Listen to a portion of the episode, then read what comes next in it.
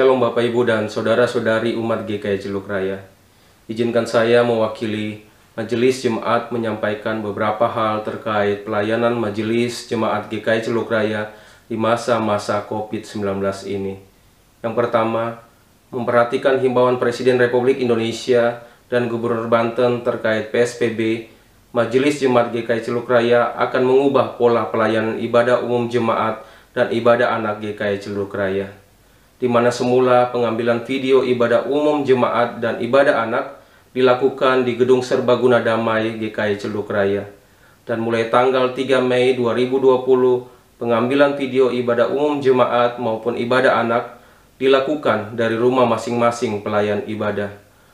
Mohon perhatian dan pengertian umat semua. Yang kedua, Majelis GKI Celuk Raya melalui Mabit Kesaksian Pelayanan dan PPRI terpanggil untuk memberikan kontribusi nyata melalui program Peduli COVID-19. Program Peduli COVID-19 adalah program peduli kasih kepada masyarakat di sekitar GKI Celuk Raya dan juga kepada jemaat GKI Celuk Raya. Program Peduli COVID-19 antara lain bantuan paket sembako melalui kelurahan, pemberian bantuan sembako kepada jemaat yang membutuhkan, pemberian bantuan sembako kepada warga di sekitar GKI Celuk Raya, pemberian masker kepada warga di sekitar GKI Ciluk Raya, pembuatan spanduk edukasi COVID-19, dan program lainnya. Program peduli COVID-19 telah dilaksanakan pada bulan April ini dan akan dilanjutkan dan dilakukan setiap bulannya selama pandemi ini berlangsung.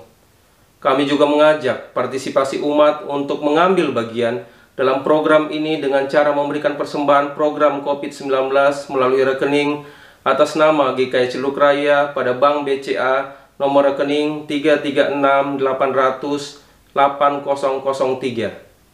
Marilah di saat seperti ini kita memberikan bahu kita untuk memikul keprihatinan dan kepedulian kita kepada sesama.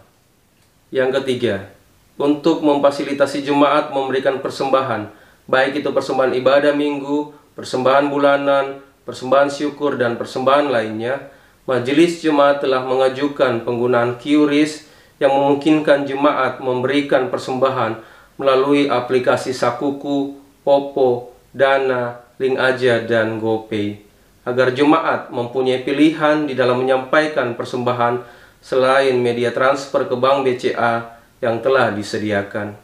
Kami berharap hal ini dapat meningkatkan penerimaan persembahan GKI Celuk Raya karena persembahan yang kita berikan adalah salah satu faktor pendukung yang penting untuk kegiatan pelayanan kita sebagai komunitas di GKI Celuk Raya.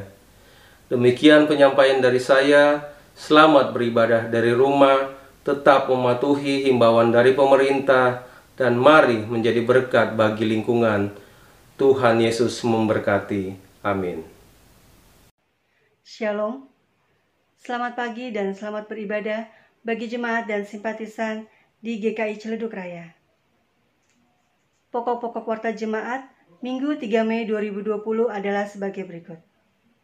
Kesatu, kebaktian minggu dan kebaktian kategorial akan dilaksanakan secara online atau daring sampai dengan tanggal 31 Mei 2020.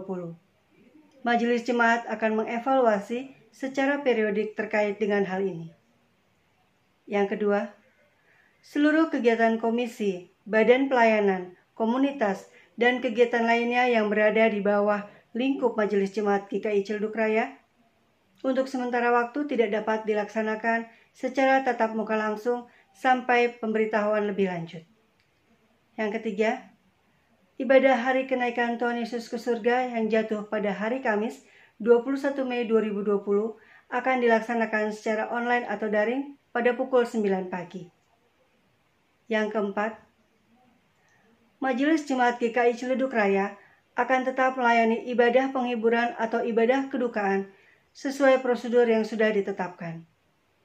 Bagi anggota jemaat GKI Cira atau simpatisan yang membutuhkan pelayanan atau informasi pelayanan lainnya dapat menghubungi Penatua Prihatini atau Mas Andi di kantor gereja.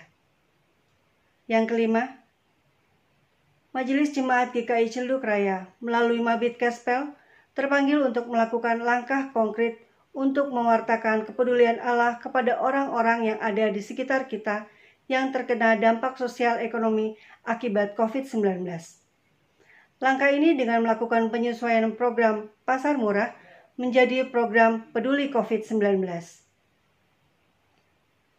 Program ini antara lain bantuan paket sembako melalui kelurahan, pemberian bantuan sembako pada jemaat yang membutuhkan, pemberian masker dan disinfektan pada warga sekitar GKI Cilduk Raya, pembuatan spanduk edukasi COVID-19, dan program lainnya. Program ini rencananya dilakukan selama pandemi ini berlangsung dan sudah dimulai pada bulan April kemarin. Pada kesempatan kali ini, kami mohon izin kepada umat yang telah memberikan persembahan paket pasar murah untuk boleh kami alihkan penggunaannya menjadi program peduli COVID-19.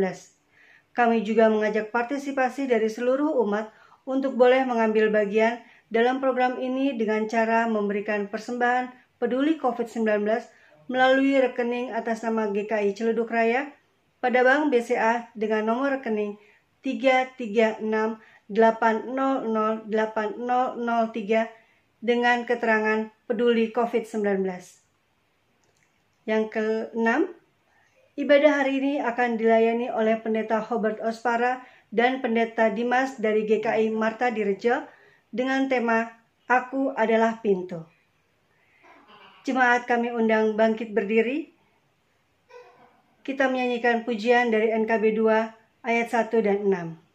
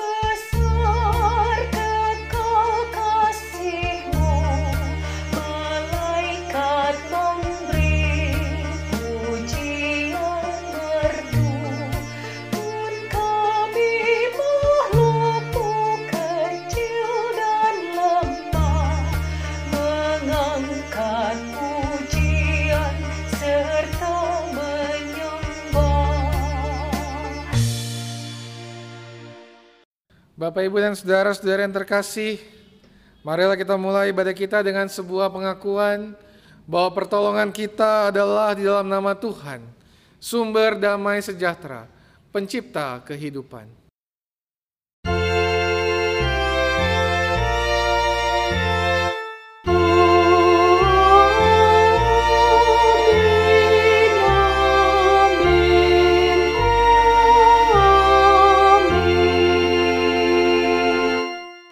Kasih karunia dan damai sejahtera dari Allah Bapa, Anak, dan Roh Kudus menyertai saudara.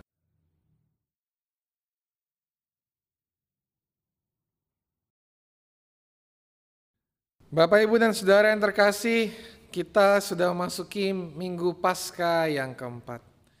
Minggu Paskah mengajak kita untuk terus menghayati pengharapan di dalam Kristus yang telah bangkit bagi kita semua.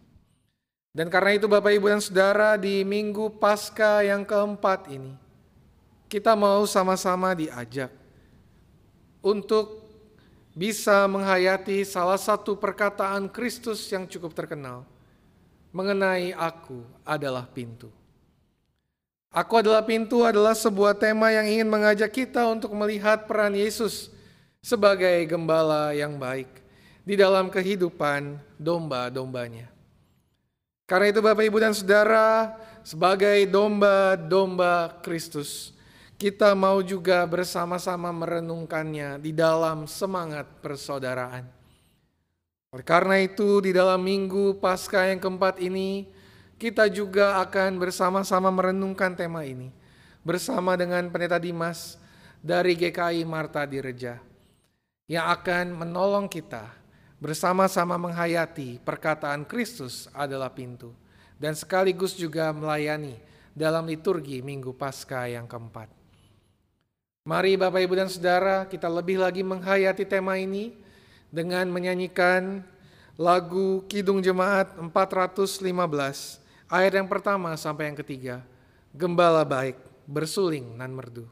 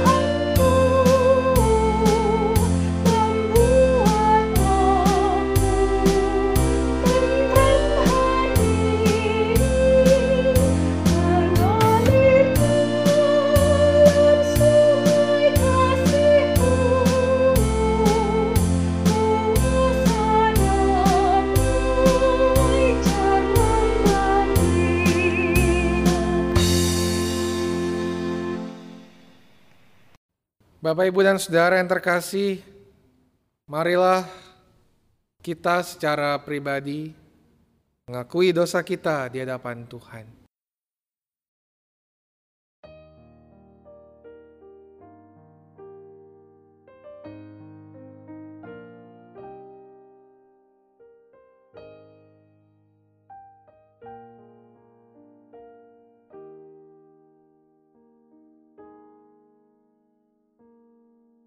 Ya Allah, sebagai domba-domba yang digembalakan oleh Kristus, kami menyadari bahwa di dalam kehidupan kami, tidak jarang kami tidak mau mendengar perkataan gembala kami. Tidak jarang kami mau berjalan hanya seturut dengan pendengaran kami atau perkataan orang-orang di sekitar kami. Tolonglah kami untuk lebih lagi menghayati hidup kami dalam Tuhan. Setiap kami mau mengaku dosa di hadapan kiranya Tuhan melihat, menilik, dan menolong kami untuk dapat hidup semakin berkenan dan terus berjalan seturut tuntunan gembala kami. Ampuni seluruh salah dan dosa kami ya Tuhan. Kami berdoa di dalam nama Tuhan kami, Yesus Kristus, Gembala dan Penebus kami. Amin.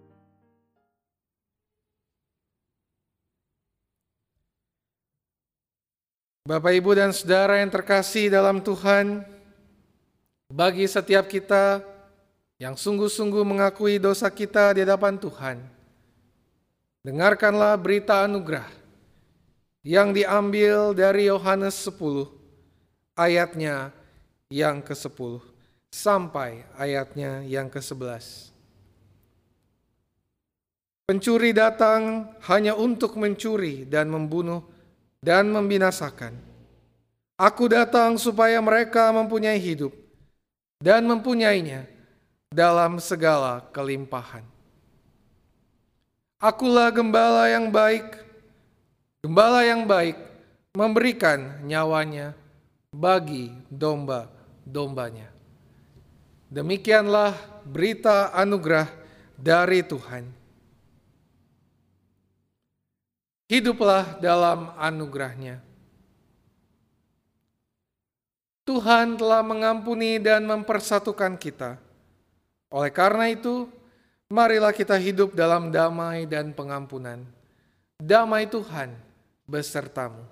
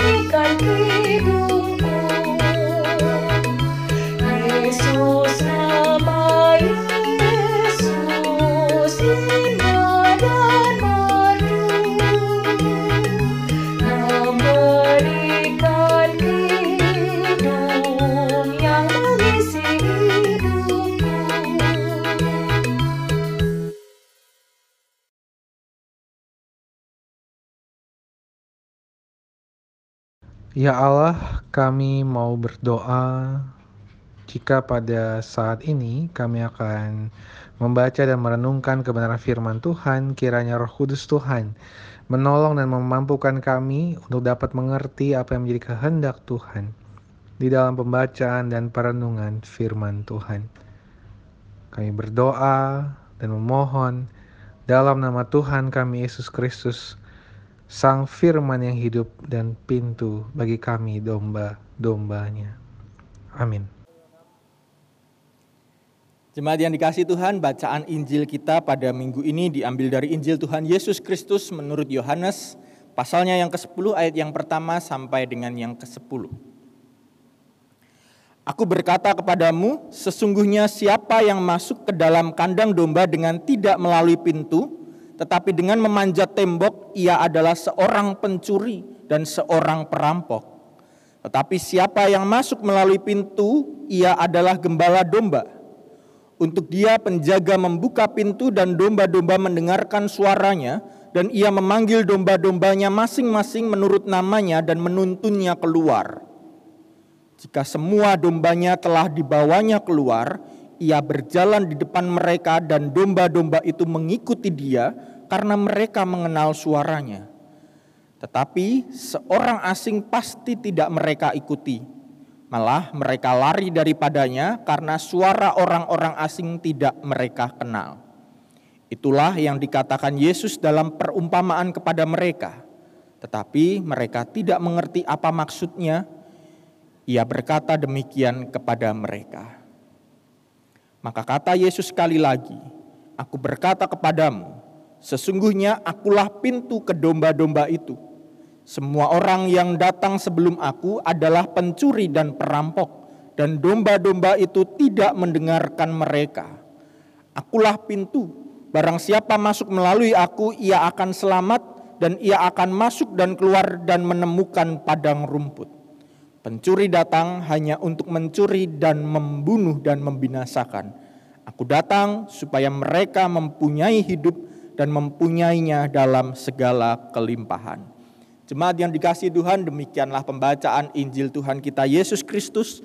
Berbahagialah setiap kita yang mendengarkan, memelihara dalam hatinya, dan melakukan dalam kehidupannya hari lepas hari. Haleluya.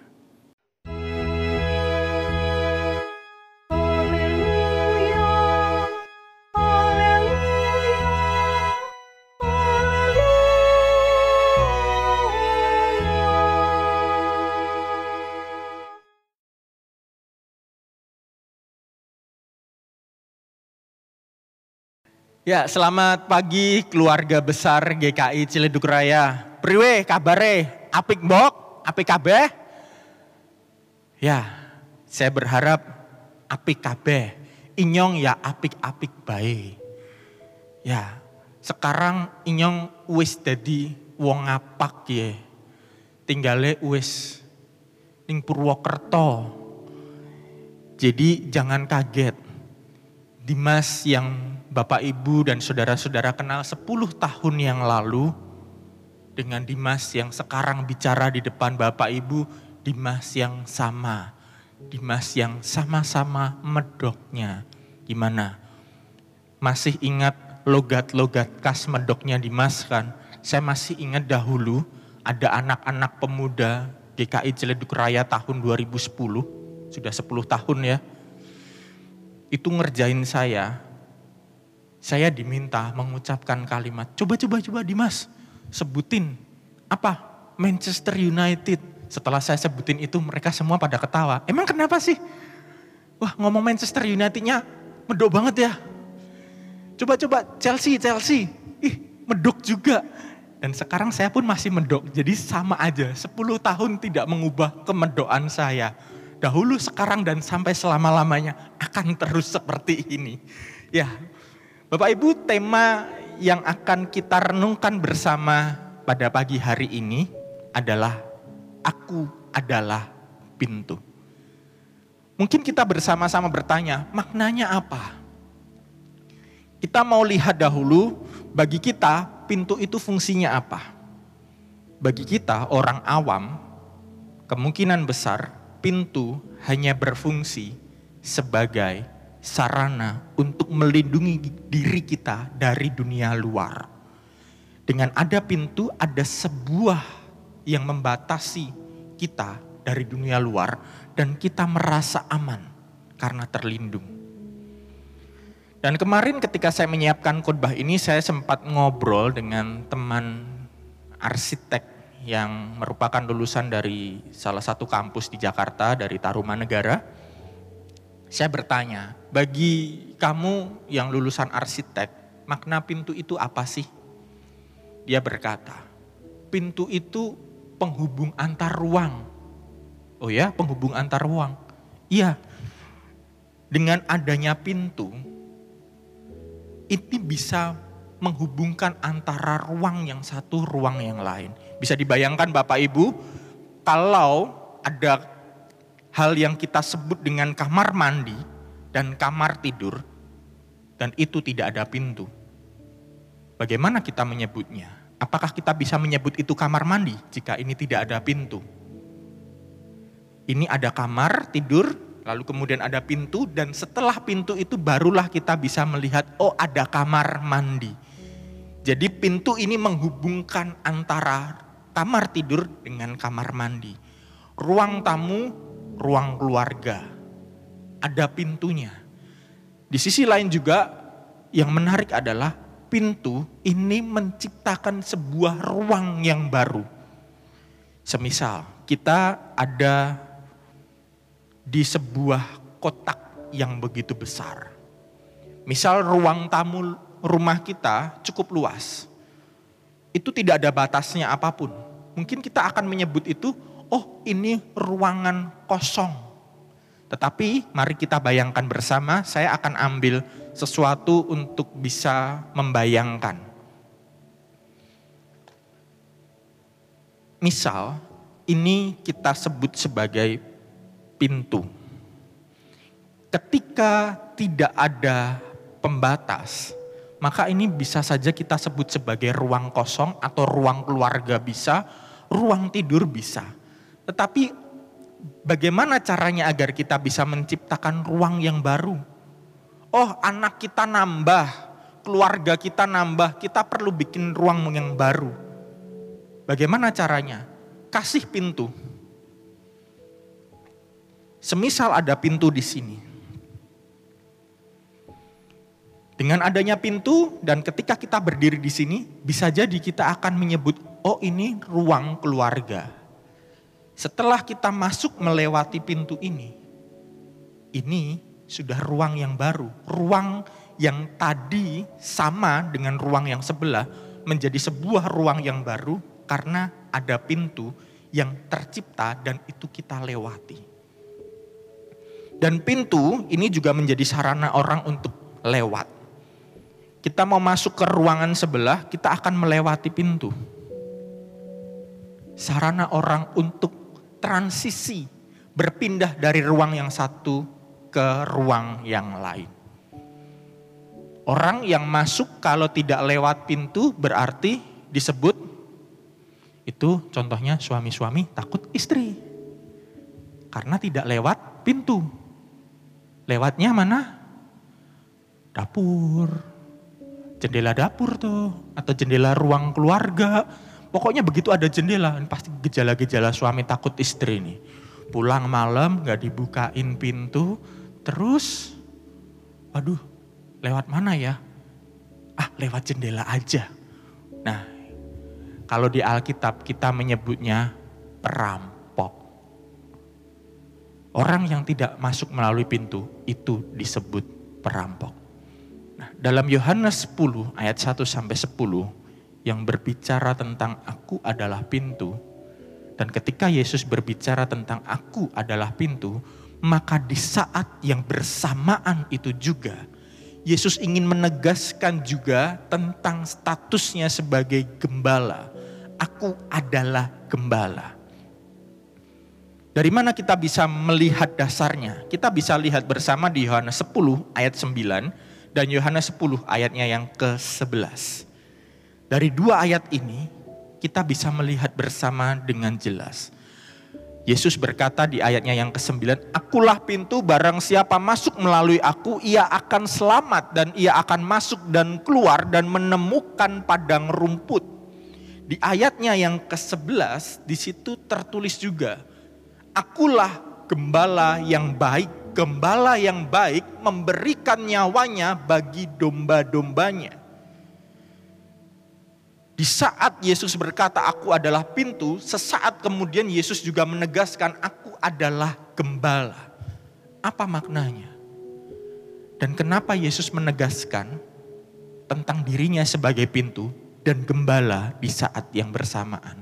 Mungkin bagi kita yang hidup di masa kini, kita mengalami kebingungan tentang memahami status Yesus adalah pintu. Dan mungkin kita juga bingung ketika mendengar atau membaca perkataan aku adalah pintu dalam teks ini. Tetapi kalau kemudian kita melihat tradisi di saat itu dan melihat gambar yang coba saya tayangkan, mungkin kita akan bisa mendapat gambaran yang lebih jelas sedikit tentang status aku adalah pintu. Nah ini pintunya saya singkirkan dulu. Aku adalah pintu, dengan kita melihat gambar ini, kita bisa melihat dengan jelas siapa orang yang menjadi pintu di dalam gambar itu. Sang gembala itu sendiri. Di dalam budaya di saat itu, gembala akan berbaring di bagian yang akan digunakan oleh kawanan domba ini masuk. Jadi ketika ini ada sebuah ruangan untuk tempat berlindung para domba, ada satu lorong atau ada satu bagian yang dapat dimasuki oleh para domba. Dan setelah domba ini masuk semua, sang gembala akan berbaring di depan atau di jalan di mana para domba itu tadi masuk. Tujuannya apa? Tujuannya siapa pun yang akan masuk ke situ harus melewati sang gembala. Dan sang gembala ini bertugas sebagai pelindung, dia yang menjaga, dia yang siap untuk berhadapan dengan hal-hal yang mengancam dari luar. Dia yang siap untuk mempertaruhkan nyawa bagi para dombanya yang ada di dalam. Artinya, yang ber, bertugas sebagai gembala itu adalah sang pintu itu sendiri. Jadi dari gambar ini kita bisa mendapat gambaran yang jelas. Ketika Yesus berkata, aku adalah pintu. Aku adalah gembala. Ini adalah satu hal yang saling terkait satu dengan yang lain. Aku adalah pintu dan aku adalah gembala merupakan hal yang tidak dapat dipisahkan. Dan di ayat yang keempat juga di ayat yang ke-11 kita bisa melihat Yesus memberikan rasa aman. Ketika Yesus berkata, aku sebagai pintu. Dan aku sebagai gembala, Yesus kemudian mengingatkan. Gembala yang baik itu memberikan nyawanya bagi domba-dombanya. Artinya apa? penegasan Yesus sebagai pintu itu adalah melindungi para domba dari pihak luar di malam hari. Ketika Yesus sebagai gembala itu adalah untuk menjaga kawanan domba saat melakukan perjalanan di padang rumput. Di mana situasi di padang rumput tidak dapat diprediksi. Ada banyak tantangan, ada banyak ancaman dan itu ketika sang domba ini dikawal oleh gembala yang baik, yang rela memberikan nyawanya, maka akan ada rasa aman. Artinya, penegasan Yesus, "Aku adalah pintu dan aku adalah gembala," adalah untuk memberikan rasa aman bagi para murid di saat itu yang akan menjalani hidup dengan segala dinamikanya. Jadi, kembali kita melihat makna pintu kita mengingat kembali, pintu itu berarti memberikan rasa aman. Dia menciptakan ruang yang baru yang semula tidak ada. Dan dia juga menghubungkan antara ruang satu ke ruang yang lain. Pintu itu juga merupakan sarana orang untuk lewat. Keempat makna pintu inilah yang coba saya refleksikan dalam perjalanan kehidupan kita di saat ini dan untuk lebih jelasnya mari kita akan bersama-sama mencari contoh yang sederhana. Saya akan berikan pengalaman saya dahulu ketika saya di GKI Ciledug Raya. Bapak Ibu, tanpa melalui GKI Ciledug Raya, seorang Dimas tidak akan pernah sampai ke GKI Marta di Reja dan berdiri di depan Bapak Ibu saat ini sebagai seorang pendeta tanpa GKI Ciledug Raya, Dimas tidak akan sampai ke GKI Marta Direja.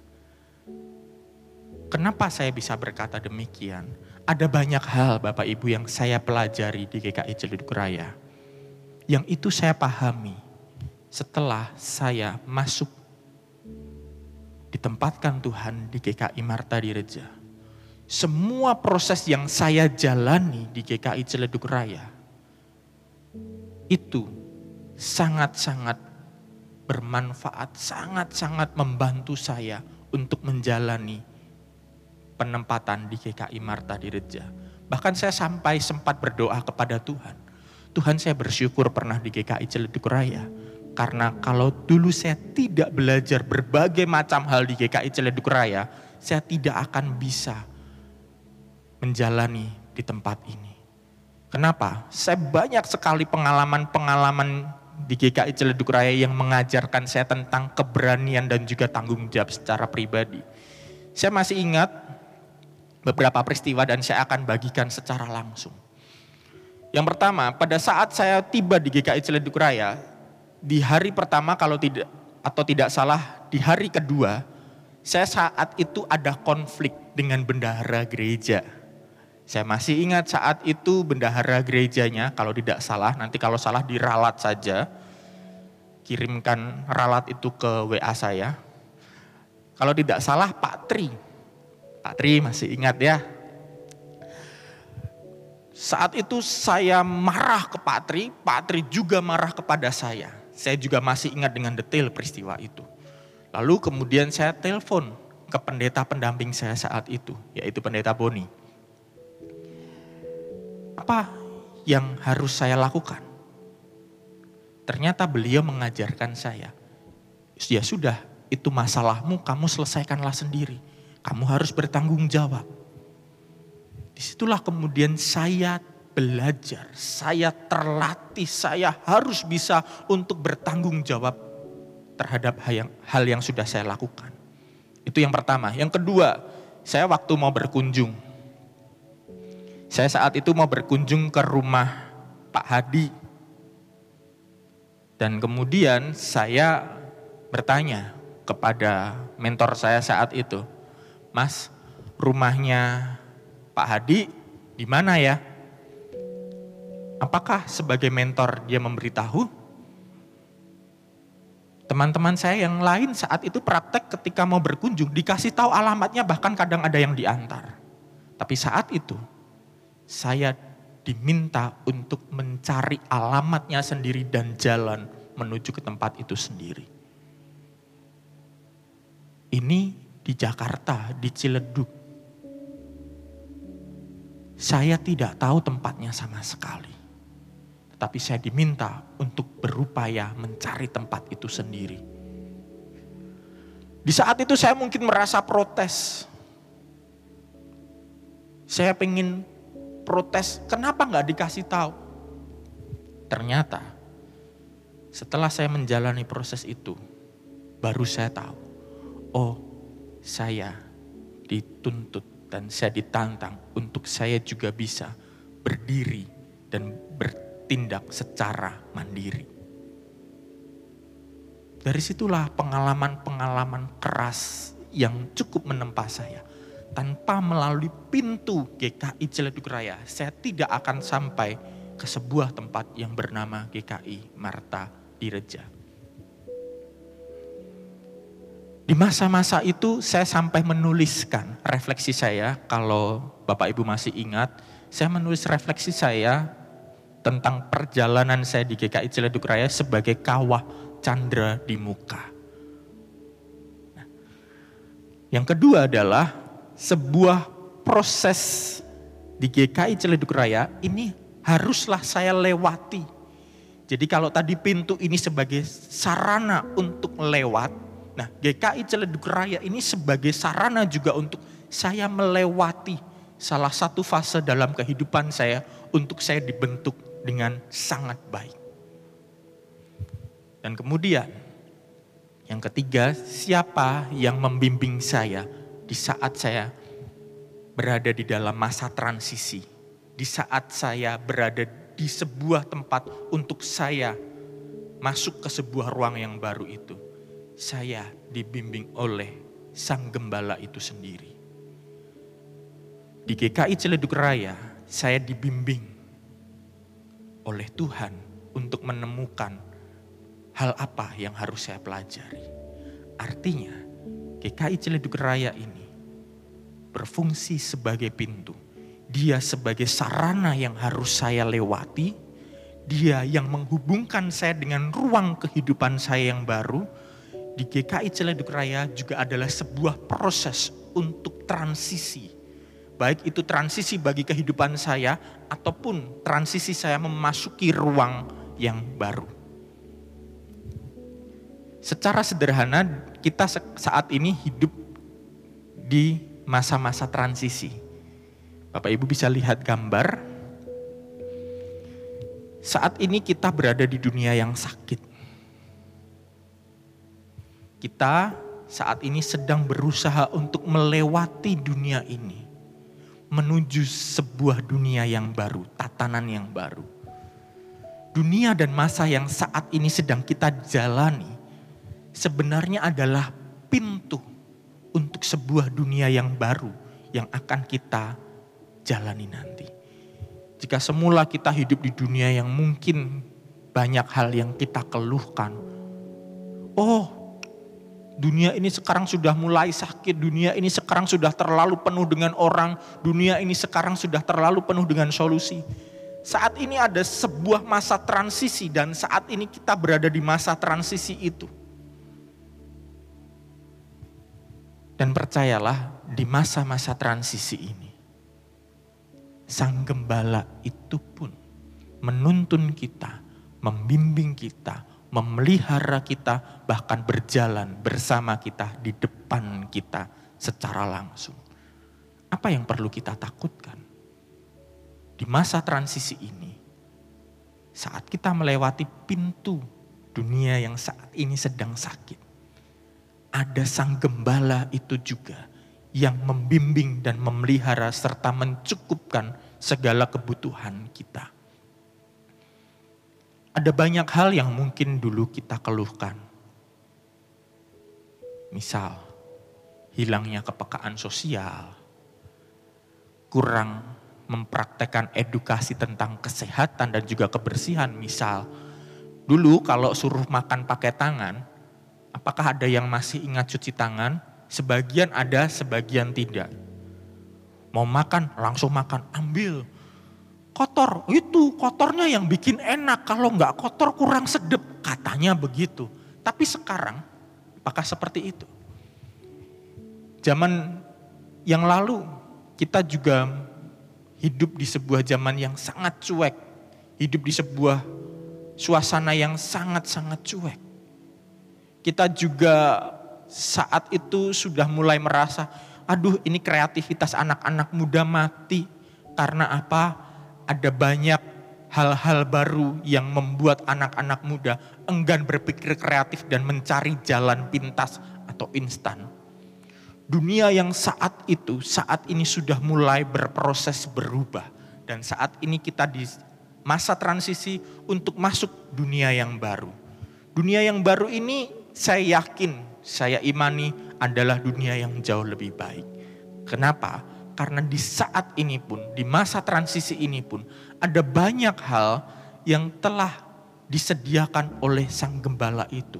Hal-hal yang baik yang dapat kita rasakan di saat ini. Semisal, jika tadi kita melihat, oh orang-orang sudah mulai tidak saling peduli. Di masa ini kita bisa lihat ada banyak sekali kepedulian-kepedulian yang muncul. Bela rasa itu mulai muncul, semangat untuk rela berkorban itu muncul. Ada orang-orang yang berjuang untuk membuat APD, bahkan kemudian memproduksi itu secara massal dan dibagikan secara gratis. Semangat rela berkorban ini kan dulu susah untuk dijumpai. Tapi saat di masa transisi ini, semua orang tergerak untuk bisa memberikan kehidupan bagi orang lain. Yang kedua, hal positif apa di masa transisi ini? Yang kedua adalah kita mulai sadar tentang kebersihan dan juga kesehatan. Tanpa perlu disuruh lagi, orang sudah akan rutin cuci tangan. Tanpa disuruh lagi, tanpa diedukasi lagi, orang sudah mulai biasa cuci tangan dan minum vitamin. Padahal di saat itu susah Lalu kemudian di masa-masa kita kerja dari rumah atau kita banyak diam di rumah, relasi-relasi kita dengan teman-teman yang lama yang saat itu sudah mulai renggang ataupun sudah tidak pernah berkabar, di masa-masa ini kita bisa kembali menjalin relasi. Dan ada banyak sekali cerita-cerita tentang persahabatan-persahabatan yang muncul kembali di masa-masa ini. Ketika dahulu kita mengeluhkan kreativitas yang sudah mulai berkurang, di saat ini kita melihat anak-anak muda kita bergerak dengan segala kreativitasnya untuk memberi warna di situasi yang penuh krisis ini. Kalau dahulu kita membayangkan orang bermain musik secara tim atau bermain orkes itu harus berjumpa langsung. Di saat ini, anak-anak muda berpikir secara kreatif. Bagaimana caranya kita bisa memberikan musik yang menarik, orkes yang menarik, kita bermain bersama-sama tapi dari tempat masing-masing. Bukankah itu sebuah ide yang kreatif? Ternyata kita berada di dalam masa transisi. Kita sedang masuk ke sebuah pintu. Pintu untuk masuk ke sebuah tatanan kehidupan yang baru.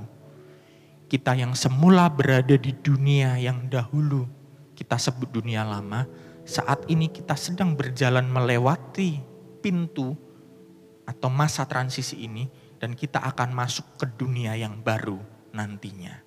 Kita tidak tahu waktunya itu kapan, tetapi yang menjadi tugas kita saat ini adalah kita mempertahankan hal-hal baik, budaya-budaya baik yang saat ini sudah ditempuh. Hal-hal baik yang saat ini sudah kita lakukan. Jadi Bapak Ibu dan Saudara-saudara di GKI Ciledug Raya, jika saat ini kita sudah berada di sebuah masa transisi, sebuah masa peralihan menuju dunia yang baru. Jalanilah. Kita tidak perlu takut karena apa? Karena sudah ada banyak sekali hal-hal baik yang dapat kita perjuangkan dan kita pertahankan. Dan Yesus yang tadi memberikan penegasan bahwa dirinya adalah pintu, sekaligus gembala. Bersama dengan Yesus, iman kekristenan kita akan selalu mengalami perjalanan dari ruang kehidupan yang satu menuju ke ruang kehidupan yang lain. Dengan segala dinamikanya, dengan segala tantangan-tantangannya, dengan segala kejutan-kejutan yang tak terduga dari Allah. Namun, di tengah segala hal-hal yang penuh tantangan, di tengah segala hal-hal yang mengejutkan seperti saat ini, tidak perlu kita merasa takut berlebihan, karena Yesus sendiri telah berjanji akan membimbing kita di setiap masa-masa transisi. Bahkan Yesus berjalan di depan kita untuk membimbing dan memberikan kita pengalaman-pengalaman baru.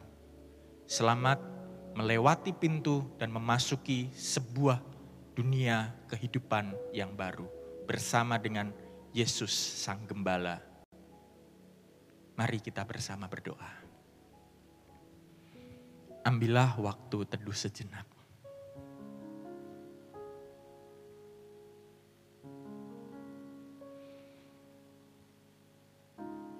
Di saat ini Tuhan, kami sedang berada di dalam masa-masa yang menakutkan mengerikan, dan bahkan menyesakan.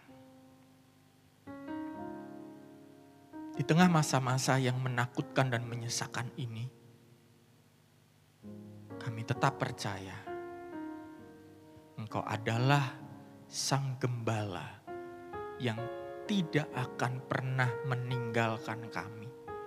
Engkau adalah Sang Gembala yang akan senantiasa membimbing perjalanan kehidupan kami Engkau adalah sang gembala yang akan memberikan kami rasa aman ketika kami harus menjalani kehidupan yang penuh tantangan ini. Kami juga percaya Engkau adalah sang pintu yang melindungi kami, memberikan kami rasa aman.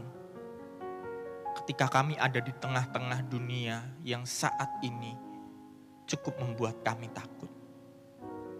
Namun di tengah situasi yang menakutkan ini, kami sungguh juga bersyukur ketika ada banyak hal baik yang terjadi. Kami mengimani Tuhan sedang memperbaharui kami, memperbaharui dunia ini. Di saat ini juga kami percaya kami sedang berjalan di masa-masa transisi, masa-masa perubahan untuk menuju ke suatu kehidupan yang baru, dunia yang baru, dengan segala budaya-budaya baik yang telah tercipta budaya-budaya baik yang telah terbentuk. Tugas kami saat ini adalah terus setia menjalani kehidupan. Tugas kami saat ini adalah berjuang untuk terus memperjuangkan hal-hal positif di tengah-tengah krisis saat ini, dan bahkan kami siap untuk mempertahankan jika suatu saat nanti Tuhan izinkan pandemi COVID ini berakhir. Kami siap untuk menjalani kehidupan kami, perjalanan iman kami bersama dengan Yesus, Sang Gembala yang membimbing dan memelihara kehidupan kami. Di dalam nama Bapa, Putra, dan Roh Kudus, kami menyerahkan kehidupan kami. Amin. Jemaat kami undang bangkit berdiri. Bersama umat Tuhan di sepanjang abad dan tempat, marilah kita bersama-sama mengucapkan pengakuan Imam Rasuli. Aku percaya kepada Allah, Bapa yang Maha Kuasa, Halik langit dan bumi, dan kepada Yesus Kristus, anak yang tunggal Tuhan kita, yang dikandung daripada roh kudus, lahir dari anak darah Maria, yang menderita sengsara di bawah pemerintahan Pontius Pilatus, disalibkan, mati dan dikuburkan, turun ke dalam kerajaan maut, pada hari yang ketiga bangkit pula dari antara orang mati, naik ke sorga, duduk di sebelah kanan Allah Bapa yang Maha Kuasa, dan akan datang dari sana untuk menghakimi orang yang hidup dan yang mati. Aku percaya kepada Roh Kudus, gereja yang kudus dan am, persekutuan orang kudus, pengampunan dosa, kebangkitan orang mati, dan hidup yang kekal. Amin. Jemaat, dipersilakan duduk kembali. Kita akan masuki doa syafaat. Diawali doa syukur rumah ibadah, dilanjutkan doa oleh pengkhotbah dan akan ditutup dengan menyanyikan doa Bapa kami. Kita bersatu dalam doa. Bapa yang Maha Kasih, kembali kami datang kepadamu Tuhan Yesus Tanti intinya kami mengucap syukur buat setiap kebaikan dan kemurahan Tuhan yang boleh kami rasakan sampai dengan saat ini. Bapa di surga, pada kesempatan hari ini Tuhan, kami mau berdoa Tuhan Yesus buat pengurusan surat-surat untuk berdirinya rumah ibadah GKI Ciledug Raya. Bapak yang Maha Kasih, mari Tuhan Yesus mau turut campur tangan di dalamnya ya Bapak. Biarlah segala sesuatunya Tuhan Yesus, Engkau boleh lancarkan, Engkau boleh bukakan jalan. Terima kasih Tuhan Yesus, ke dalam tangan kasih Tuhan, kami mau serahkan segala usaha upaya kami ini Tuhan Yesus. Kami juga mau berdoa buat rancangan gedung gereja yang sedang dibuat Tuhan. Mari Tuhan Yesus mau berkati, Engkau mau satu hati ya Bapak. Biarlah Tuhan Yesus yang terbaik yang boleh Engkau berikan bagi kami umatmu di GKI Celduk Raya. Tuhan, kami juga tak putus-putusnya berdoa untuk sosialisasi kami dengan warga sekitar. Bapa di surga, biarlah Tuhan Yesus warga sekitar sini boleh menerima kami dengan sukacita dan kami juga boleh menjadi kepanjangan tanganmu untuk boleh memberikan juga berkat, boleh berbagi dengan mereka. Biarlah Tuhan Yesus kasih yang Tuhan ajarkan boleh selalu kami lakukan juga dalam kami bersosialisasi dengan warga sekitar. Bapa di surga, hanya ke dalam tangan kasih Tuhan kami mau serahkan doa ini. Melalui doa syafaat ini, kami ingin memberikan rasa peduli kami, menunjukkan rasa cinta kami, perhatian kami untuk situasi dan kondisi yang saat ini tengah kami jalani dan juga kami perjuangkan. Kami berdoa ya Tuhan untuk setiap tim medis yang saat ini sedang berjuang. Ada banyak di antara mereka yang rela meninggalkan rasa nyaman dan meninggalkan orang-orang yang mereka kasihi demi memperjuangkan kehidupan-kehidupan yang telah Allah percayakan untuk mereka rawat. Kami berdoa Tuhan yang akan senantiasa menguatkan mereka, memampukan mereka dan menuntun setiap langkah yang harus mereka tempuh. Kami juga berdoa ya Tuhan, untuk setiap pengusaha, karyawan yang saat ini sedang terkena dampak secara ekonomi. Tuhan permasalahan ekonomi yang saat ini kami alami betullah situasi yang sangat berat. Situasi ini sangat memberatkan bagi pengusaha. Situasi ini mengharuskan sebagian pengusaha mengambil keputusan yang cukup berat yaitu untuk merumahkan sementara para karyawannya. Kami berdoa Tuhan untuk setiap pengusaha dan karyawan yang saat ini sedang berjuang untuk memulihkan ekonomi mereka. Tuhan yang berikan ketekunan, kesabaran, dan daya juang, sehingga mereka mampu memulihkan kondisi ekonomi mereka. Dengan kondisi ekonomi yang dipulihkan, kami percaya mereka akan bisa dan terus menjadi berkat bagi setiap orang-orang yang berelasi dengan setiap pengusaha dan para karyawan. Kami juga berdoa Tuhan untuk setiap gereja Tuhan yang saat ini sedang berjuang untuk berkarya. Mereka hadir di tengah-tengah permasalahan ini, mereka hadir dengan memberikan pengorbanan, sehingga dengan pengorbanan yang dilakukan oleh teman-teman kami, saudara-saudara seiman kami, kami dapat membawa Yesus. Kami dapat menunjukkan kasih Yesus kepada setiap orang yang membutuhkan. Melalui kehadiran gereja-gereja Tuhan, kami percaya ada secercah harapan untuk memberikan kekuatan bagi setiap orang yang sedang membutuhkan harapan. Ini Tuhan doa kami, ini harapan kami, dan pakai kami Tuhan untuk membawa harapan di tengah-tengah situasi yang saat ini sedang membutuhkan harapan. Di dalam nama Bapa, Putra, dan Roh Kudus, kami rindu untuk menyanyikan doa yang Tuhan Yesus ajarkan kepada kami.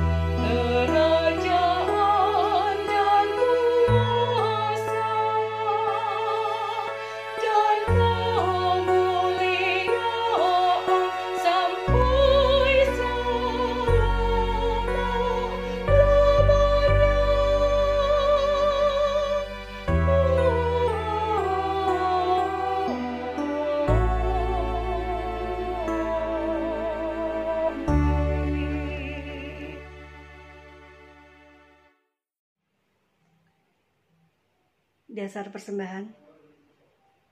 Saudara-saudara kekasih Tuhan, dengan penuh syukur mari kita haturkan persembahan yang sudah kita siapkan, seraya mengingat firman-Nya dalam Efesus 5 ayat 20 sampai dengan 21. Ucaplah syukur senantiasa atas segala sesuatu dalam nama Tuhan kita Yesus Kristus kepada Allah dan Bapa kita dan rendahkanlah dirimu seorang kepada yang lain di dalam takut akan Kristus Bapak Ibu Saudara-saudari dapat mengumpulkan persembahan melalui rekening atas nama GKI Celeduk Raya pada Bank BCA dengan nomor rekening 336 800 8003. Jemaat kami undang bangkit berdiri. Kita bersama-sama menaikkan doa persembahan. Kita bersatu dalam doa.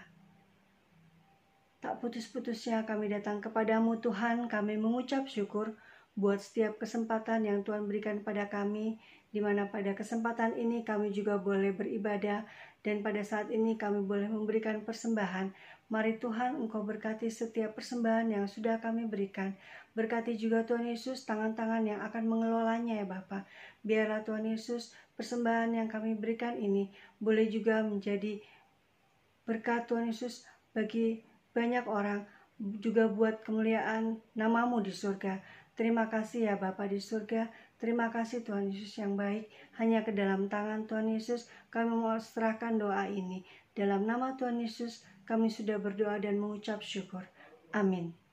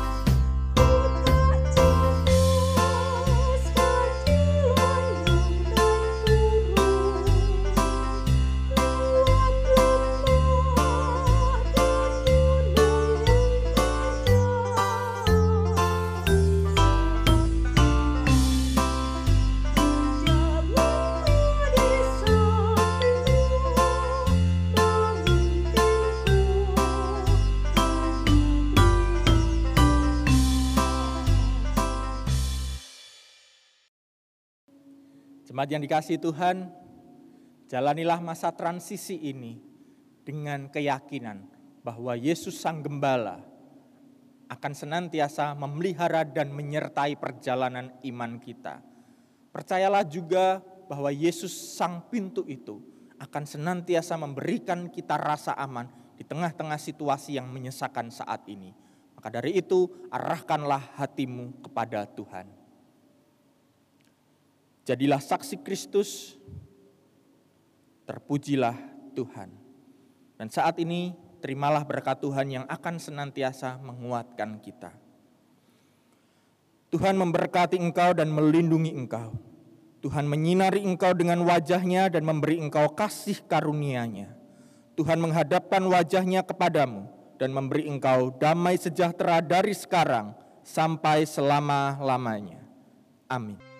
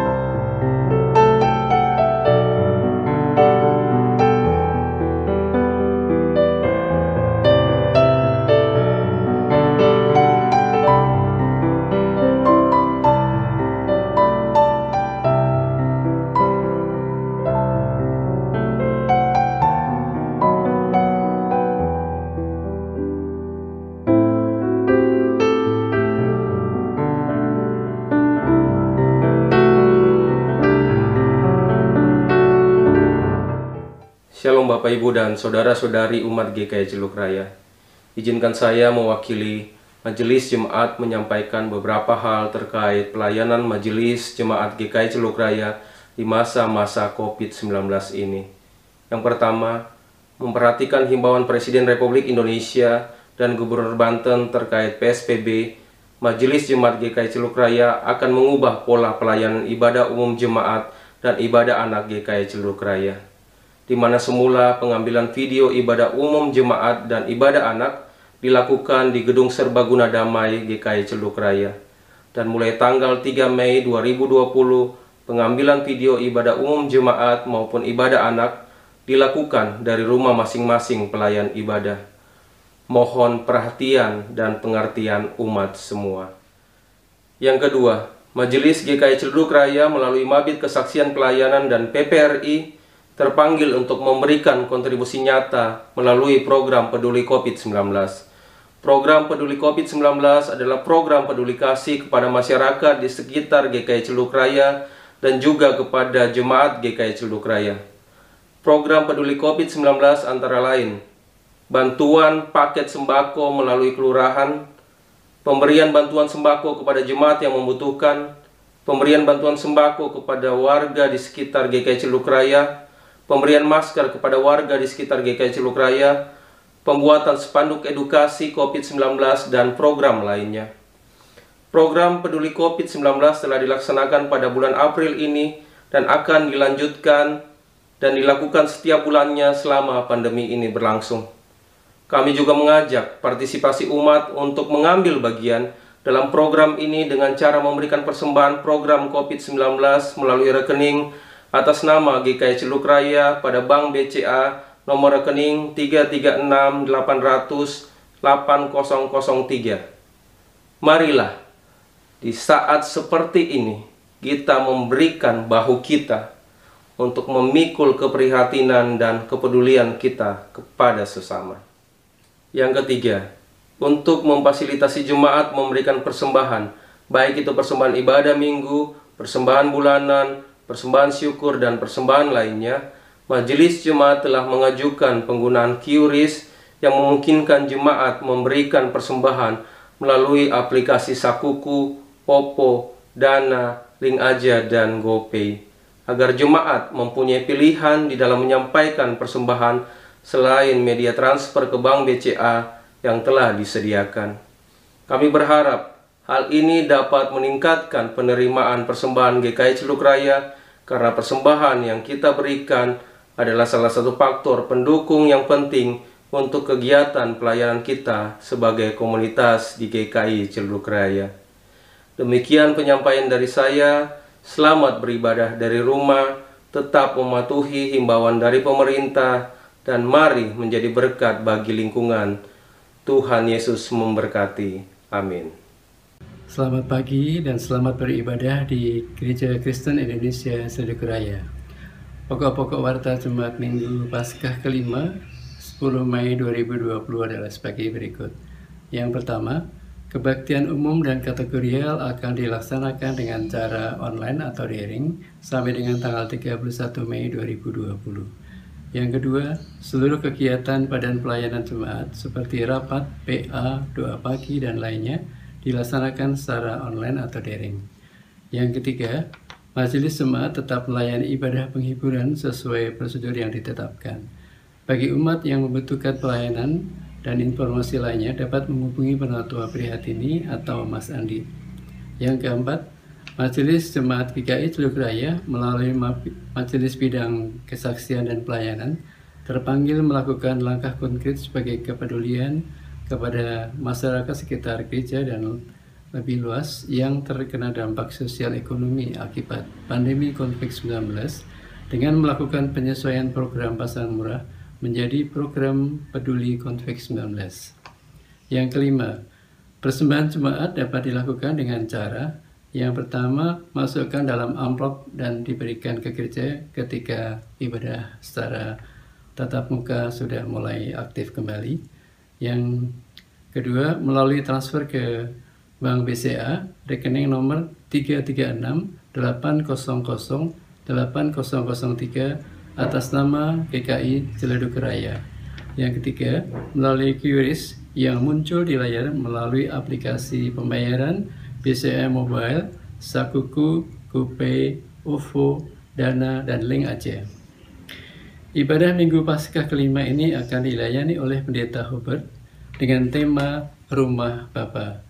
Mari jemaat yang kekasih kita bangkit berdiri dan kita akan muji nama Tuhan dari NKP 5 bait yang pertama sampai dengan kedua seluruh dunia hai nyanyikanlah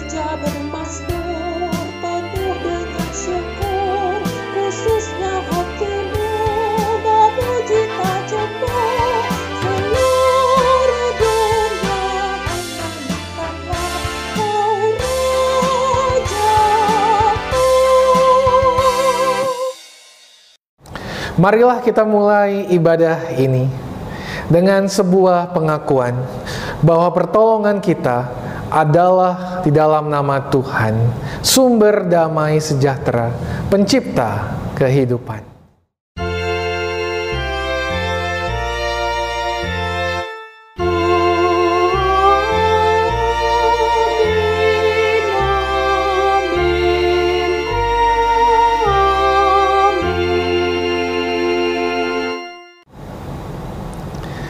Kasih karunia dan damai sejahtera dari Allah Bapa, Anak, dan Roh Kudus menyertai saudara sekalian.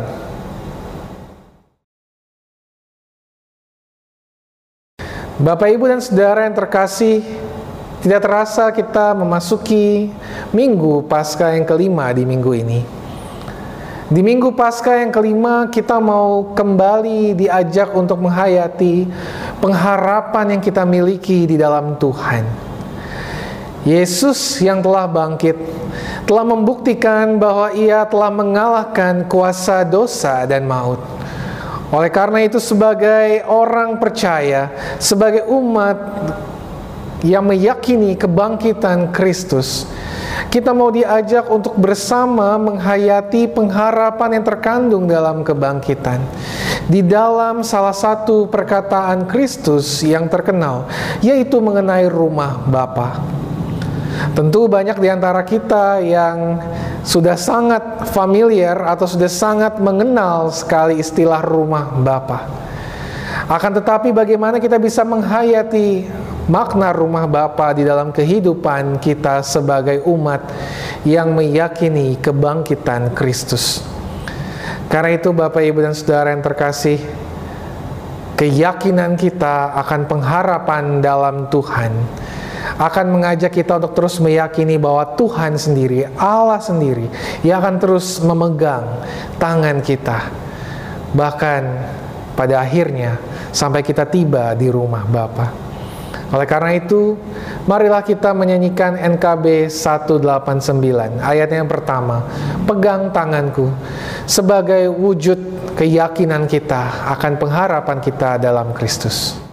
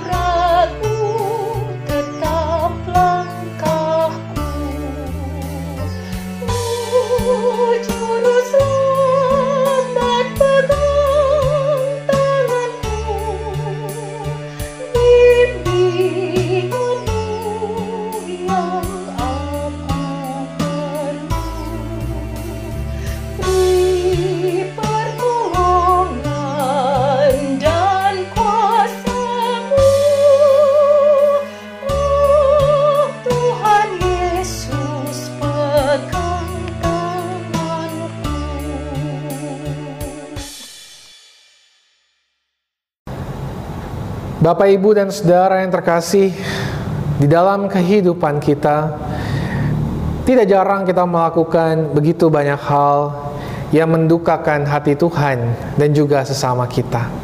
Kita menyadari bahwa kita adalah manusia yang lemah dan terbatas, dan karena itu kita membutuhkan pengampunan dari Tuhan. Oleh karena itu, di dalam penghayatan akan keterbatasan dan kelemahan kita, marilah kita mengakui dosa kita secara pribadi di hadapan Allah. Saya akan mengajak Bapak, Ibu, dan Saudara untuk mengaku dosa secara pribadi, dan saya akan menutupnya dalam doa pengakuan dosa secara bersama-sama.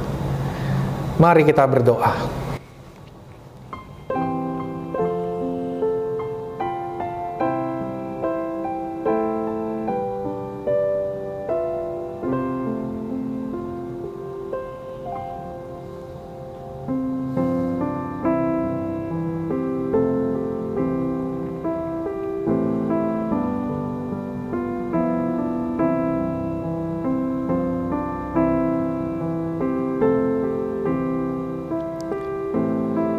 Ya Allah, kami menyadari betul bahwa dalam hidup kami, kami bukanlah manusia yang sempurna. Kami adalah manusia yang penuh dengan kelemahan dan kekurangan. Sebagai orang yang penuh dengan kesalahan dan kekurangan, kami mau menghadap Tuhan yang telah menebus kami dari kuasa dosa dan maut melalui kematian dan kebangkitan Tuhan kami Yesus Kristus. Oleh karena itu ya Tuhan, setiap kami yang mengakui dosa kami di hadapan Tuhan, Tuhan tiliklah kami, lihatlah kesungguhan kami. Dan kami hanya memohon dan berdoa, memohon pengampunan dari Tuhan. Dan karena kami berdoa di dalam nama Tuhan kami Yesus Kristus, Juru Selamat dan Penebus kami. Amin. Bapak, Ibu, dan Saudara yang terkasih, kepada setiap kita yang mengakui dosa kita di hadapan Tuhan, dengarkanlah berita anugerah yang diambil dari Yohanes 14 ayatnya yang ke-6, yang berbunyi demikian. Kata Yesus kepadanya, Akulah jalan dan kebenaran dan hidup. Tidak ada seorang pun yang datang kepada Bapa kalau tidak melalui aku. Demikianlah berita anugerah dari Tuhan hiduplah dalam anugerahnya. Tuhan telah mengampuni dan mempersatukan kita. Oleh karena itu, marilah kita hidup dalam damai dan pengampunan. Damai Tuhan besertamu.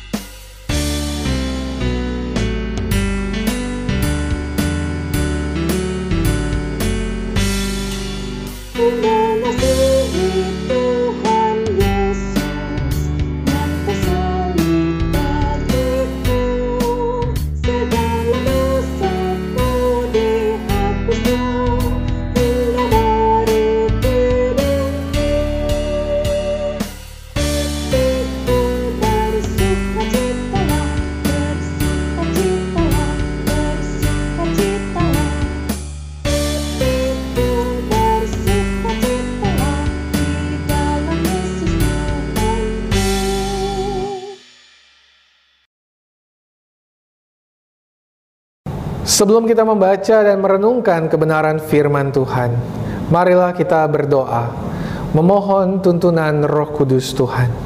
Mari kita berdoa. Ya Allah, sebagai pengikutmu, kami adalah manusia yang membutuhkan tuntunanmu. Sang Gembala Agung kami, Guru kami, yang adalah jalan dan hidup di dalam kehidupan iman kami. Karena itu ketika kami membaca dan merenungkan kebenaran firman Tuhan, kiranya roh kudus Tuhan memperlengkapi dan memampukan kami untuk mengerti apa yang menjadi kehendak Tuhan dalam hidup kami. Sehingga sebagai pengikut Kristus, kami dapat terus berjalan dan menjalani kehidupan kami di dalam tuntunan Guru dan Tuhan dan gembala kami. Kami berdoa dan menyerahkan seluruh rangkaian pembacaan dan perenungan firman Tuhan dalam tangan pengasihan Tuhan. Dalam Kristus, Sang Firman yang hidup, Sang Jalan, Sang Kebenaran dan Hidup, kami berdoa. Amin.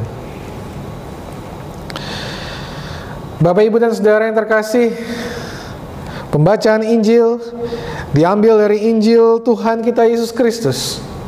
Dari Yohanes pasalnya yang ke-14 ayat yang pertama sampai ayatnya yang ke-14 Yohanes 14 ayat yang pertama sampai ayatnya yang ke-14 Janganlah gelisah hatimu. Percayalah kepada Allah Percayalah juga kepadaku di rumah Bapakku banyak tempat tinggal. Jika tidak demikian, tentu aku mengatakannya kepadamu. Sebab aku pergi ke situ untuk menyediakan tempat bagimu. Dan apabila aku telah pergi ke situ dan telah menyediakan tempat bagimu, aku akan datang kembali dan membawa kamu ke tempatku, supaya di tempat di mana aku berada, kamu pun berada. Dan ke mana aku pergi, kamu tahu jalan ke situ. Kata Thomas kepadanya, Tuhan kami tidak tahu ke mana engkau pergi. Jadi bagaimana kami tahu jalan ke situ? Kata Yesus kepadanya, Akulah jalan dan kebenaran dan hidup. Tidak ada seorang pun yang datang kepada Bapa kalau tidak melalui aku. Sekiranya kamu mengenal aku, pasti kamu juga mengenal Bapakku. Sekarang ini kamu mengenal dia dan kamu telah melihat dia. Kata Filipus kepadanya, Tuhan tunjukkanlah Bapa itu kepada kami. Itu sudah cukup bagi kami. Kata Yesus kepadanya, telah sekian lama aku bersama-sama kamu Filipus, namun engkau tidak mengenal aku, Barang siapa telah melihat aku, ia telah melihat Bapa. Bagaimana engkau berkata, tunjukkanlah Bapa itu kepada kami. Tidak percayakah engkau bahwa aku dalam Bapa dan Bapa di dalam aku? Apa yang aku katakan kepadamu, tidak aku katakan dari diriku sendiri, tetapi Bapa yang diam di dalam aku. Dialah yang melakukan pekerjaannya. Percayalah kepadaku bahwa aku di dalam Bapa dan Bapa di dalam aku, atau setidak-tidaknya percayalah karena pekerjaan-pekerjaan itu sendiri. Aku berkata kepadamu, sesungguhnya barang siapa percaya kepadaku, ia akan melakukan juga pekerjaan-pekerjaan yang aku lakukan, bahkan pekerjaan-pekerjaan yang lebih besar daripada itu, sebab aku pergi kepada Bapa. Dan apa juga yang kamu minta dalam namaku, aku akan melakukannya, supaya Bapa dipermuliakan di dalam anak. Jika kamu meminta sesuatu kepadaku dalam namaku, aku akan melakukannya. Demikianlah Injil Tuhan kita Yesus Kristus. Berbahagialah mereka yang mendengarkan firman Allah dan yang memeliharanya. Haleluya.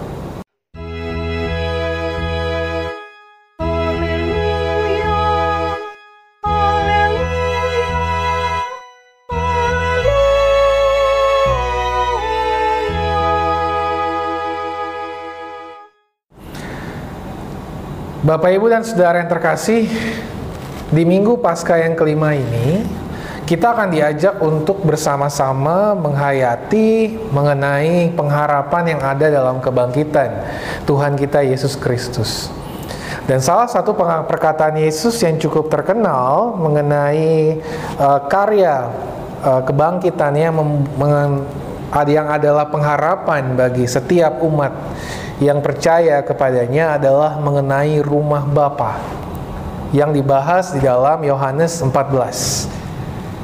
Nah, Bapak Ibu dan Saudara yang terkasih, kalau bicara mengenai rumah Bapa, maka uh, kita mungkin di dalam pemikiran kita, di dalam pemahaman kita, kita mungkin terpikir mengenai pemakaman atau ibadah penghiburan atau mungkin kata-kata yang sering diucapkan pada saat uh, ada orang yang meninggal atau orang-orang terkasih kita meninggal. Kita kadang-kadang baca gitu ya Bapak Ibu dan Saudara ya di dalam pengumuman di koran-koran telah berpulang ke rumah Bapak. Telah kembali ke rumah Bapak Nah, kalau Bapak Ibu dan Saudara uh, menangkap kesan dari rumah Bapak itu, mungkin Bapak Ibu dan Saudara akan memikirkan mengenai kembali ke rumah Bapak adalah kembali ke sorga. Dan memang Bapak Ibu dan Saudara tidak bisa dipungkiri bahwa Yohanes 14 ketika dia berbicara mengenai rumah Bapa dan bahkan judul dari Yohanes 14 ini saja mengenai rumah Bapa, dia sebenarnya juga sedang berbicara mengenai sorga tempat uh, di mana Bapa uh, bernaung. Karena itu ketika kita ditanyakan mengenai rumah Bapa, mungkin seperti gambar yang saya tampilkan ini, Bapak Ibu dan Saudara akan terpikirkan mengenai kerajaan Allah, mengenai tempat Allah itu seperti istana di mana Allah memerintah dalamnya dan begitu indah, jauh dari permasalahan, sangat uh, megah, penuh dengan kemuliaan dan lain sebagainya. Akan tetapi Bapak Ibu dan Saudara, ketika kita mengingat tempat-tempat ini, kita mungkin perlu untuk juga melihat uh, bahwa sesungguhnya Yohanes 14 itu berbicara jauh lebih dalam uh, mengenai rumah Bapa. Bahkan di dalam rumah Bapa ini terkandung begitu banyak makna yang sangat penting bagi iman dan pengharapan kita sebagai orang percaya. Oleh karena itu Bapak Ibu dan Saudara, ketika kita melihat kembali ke Yohanes 14, khususnya di ayat 2, di sini kita mungkin bisa melihat definisi yang uh, cukup jelas dikatakan Yesus mengenai rumah Bapa. Di ayat 2, Yesus mengatakan bahwa di rumah Bapa itu ada banyak tempat tinggal. Nah kira-kira seperti apa bayangan Bapak Ibu ketika Yesus mengatakan di rumah Bapak tuh ada banyak tempat tinggal? Mungkin kalau saya mencoba untuk uh, melihat persepsi orang mengenai perkataan Yesus di rumah Bapa ada banyak tempat tinggal, mungkin terpikirkan mengenai dua gambar ini. Nah, kalau Bapak Ibu dan Saudara melihat gambar ini, Bapak Ibu dan Saudara akan menemukan ada dua gambar. Yang pertama adalah istana uh, Schönbrunn Palace atau uh, istana Schönbrunn ya. Itu ada di Austria. Bapak Ibu dan Saudara ketika melihat ada banyak tempat tinggal di istana ini juga ada banyak tempat tinggal atau kamar ada dikatakan di sana sekitar 1441 kamar. Itu gambar istana Schönbrunn yang ada danaunya itu ya, yang ada patungnya dan gambarnya berwarna emas. Jadi ada banyak sekali tempat tinggal di istana ini. Mungkin kita terpikirkan mengenai itu ya, atau mungkin kalau kita terpikirkan juga mengenai di rumah bapak banyak tempat tinggal, kita terpikirkan ke gambar yang ada di sebelah istana Schönbrunn ini atau Schönbrunn Palace, yaitu First World Hotel. First World Hotel ini adanya di Malaysia, Bapak Ibu dan Saudara. Dan uh, kabarnya First World Hotel ini mendapatkan Guinness World Record sebagai hotel dengan kamar terbanyak. Kabarnya di hotel ini ada 7.000 maaf 7.351 kamar.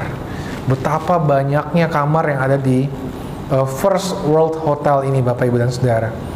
Karena itu mungkin kalau kita uh, Yesus mengatakan di rumah Bapa banyak tempat tinggal, mungkin kita terpikirkan mengenai dua tempat ini. Akan tetapi Bapak Ibu dan Saudara, kalau kita sebetulnya mau melihat uh, kata Yunani yang digunakan untuk tempat tinggal, kata Yunani itu menggunakan kata monai. Nah, kata monai ini terhubung dengan banyak tempat tinggal. Nah, Monai ini sendiri Bapak Ibu dan Saudara sebetulnya tidak berbicara mengenai jumlah tempat tinggal secara spesifik. Monai justru berbicara mengenai tempat tinggal yang sangat luas. Seberapa luas Bapak Ibu dan Saudara? Yang ingin digambarkan Yesus adalah di rumah Bapa itu tempat tinggalnya sangat luas. Bahkan bisa menampung seluruh umat manusia yang telah ditebus oleh Bapa. Mengapa begitu? Karena sebegitu besarnya kasih Allah kepada dunia dan kepada manusia. Sehingga tempat tinggal di rumah Bapa itu sangat banyak. Semua umat manusia bahkan seluruh uh, dunia ini yang telah ditebus olehnya bisa masuk ke situ.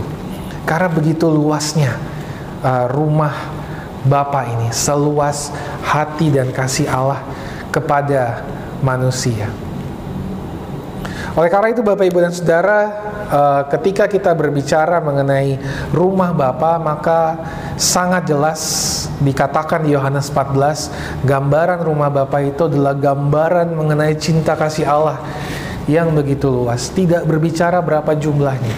Yang jelas adalah rumah Bapa itu sangat luas sehingga semua manusia bahkan seluruh dunia yang telah ditebus olehnya bisa ada di sana karena begitu besarnya kasih Allah kepada dunia.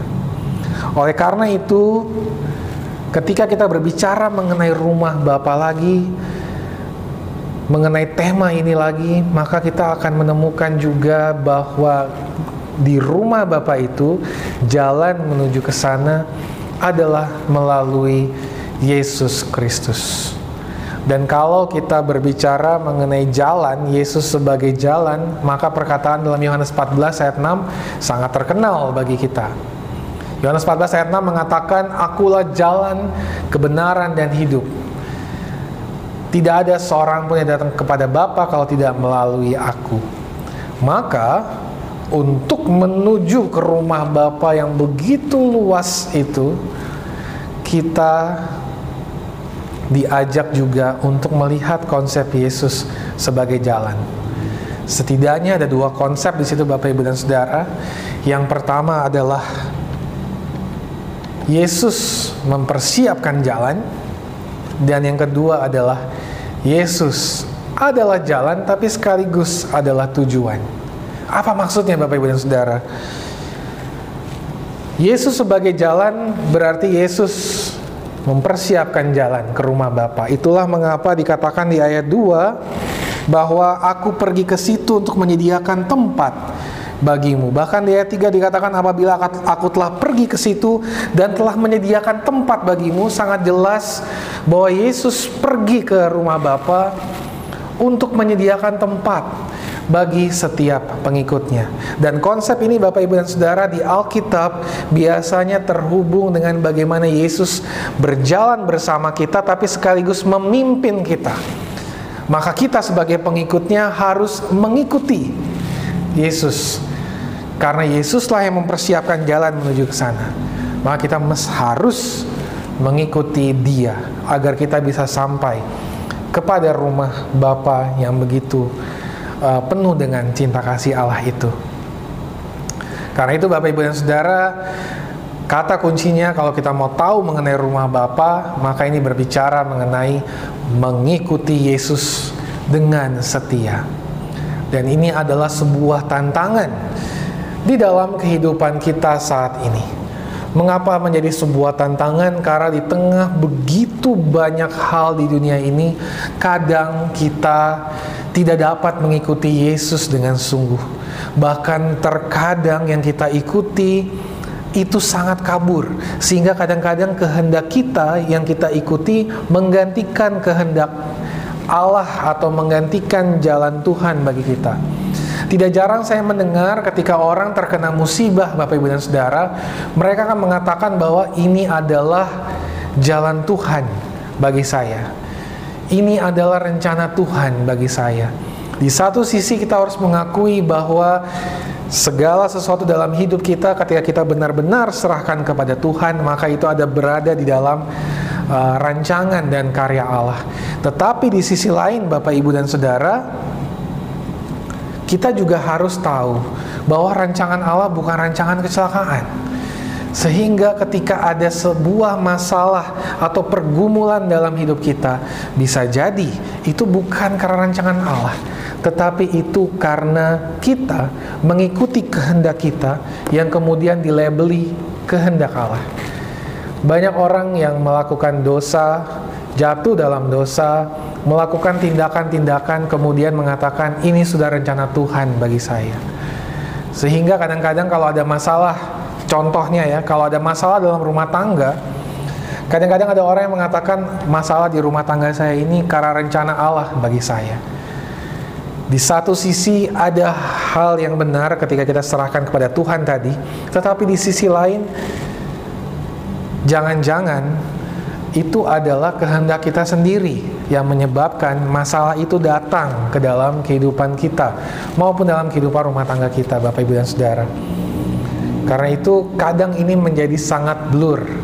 Bahkan puncaknya saya sering sekali mendengar ketika uh, apa orang-orang kemudian uh, mendapatkan masalah di rumah tangganya, mereka kemudian selalu mengatasnamakan kehendak Tuhan, kehendak Tuhan, kehendak Tuhan. Tunggu dulu Bapak Ibu dan Saudara. Jangan-jangan masalah itu datang bukan karena kehendak Tuhan, tetapi karena kita tidak mau mengikuti kehendak Tuhan, karena kesalahan kita sendiri. Sehingga masalah kemudian datang di dalam kehidupan kita. Kalau akhirnya kita terkena pergumulan dan lain sebagainya, maka kita perlu memikirkan dengan baik terkait hal tersebut sehingga tantangan mengikuti Tuhan betul-betul sebuah tantangan. Hati-hati Jangan-jangan kita mengatasnamakan Tuhan atas keinginan kita. Hati-hati sekali Bapak Ibu Saudara dan ini menjadi sebuah uh, pergumulan yang tentu tidak mudah bagi kita semua dalam kehidupan ini. Karena itu Bapak Ibu dan Saudara, Yesus mempersiapkan jalan kepada rumah Bapa yang penuh kasih. Maka rancangannya adalah rancangan cinta kasih. Maka seharusnya yang kita ikuti dan kita yakini dalam hidup kita adalah rancangan Allah sendiri yang penuh dengan cinta kasih di dalam hidup kita. Dan itu yang harus terus kita ikuti seberat apa pun. Ketika kita mau mencoba untuk mengikuti kehendak Allah yang penuh kasih itu yakinlah akan ada cinta kasih dari Bapa yang dapat kita rasakan bagi hidup kita maupun juga bagi keluarga kita. Maka Bapak Ibu dan Saudara itu adalah poin yang pertama yang ingin saya bagikan.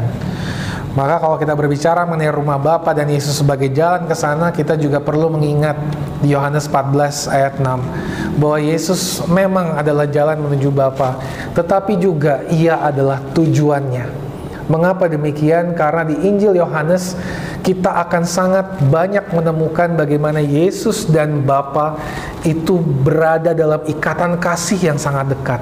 Bahkan dikatakan uh, oleh Yesus ketika ia mengatakan ia adalah jalan dan kebenaran dan hidup, maka tidak ada seorang pun datang kepada Bapa kalau tidak melalui Yesus. Maka dia melanjutkannya dengan mengatakan sekiranya kau mengenal aku, kamu juga mengenal Bapakku. Ketika Filipus mengatakan kepada di ayat 8, Tuhan tunjukkanlah Bapa itu kepada kami. Itu sudah cukup bagi kami.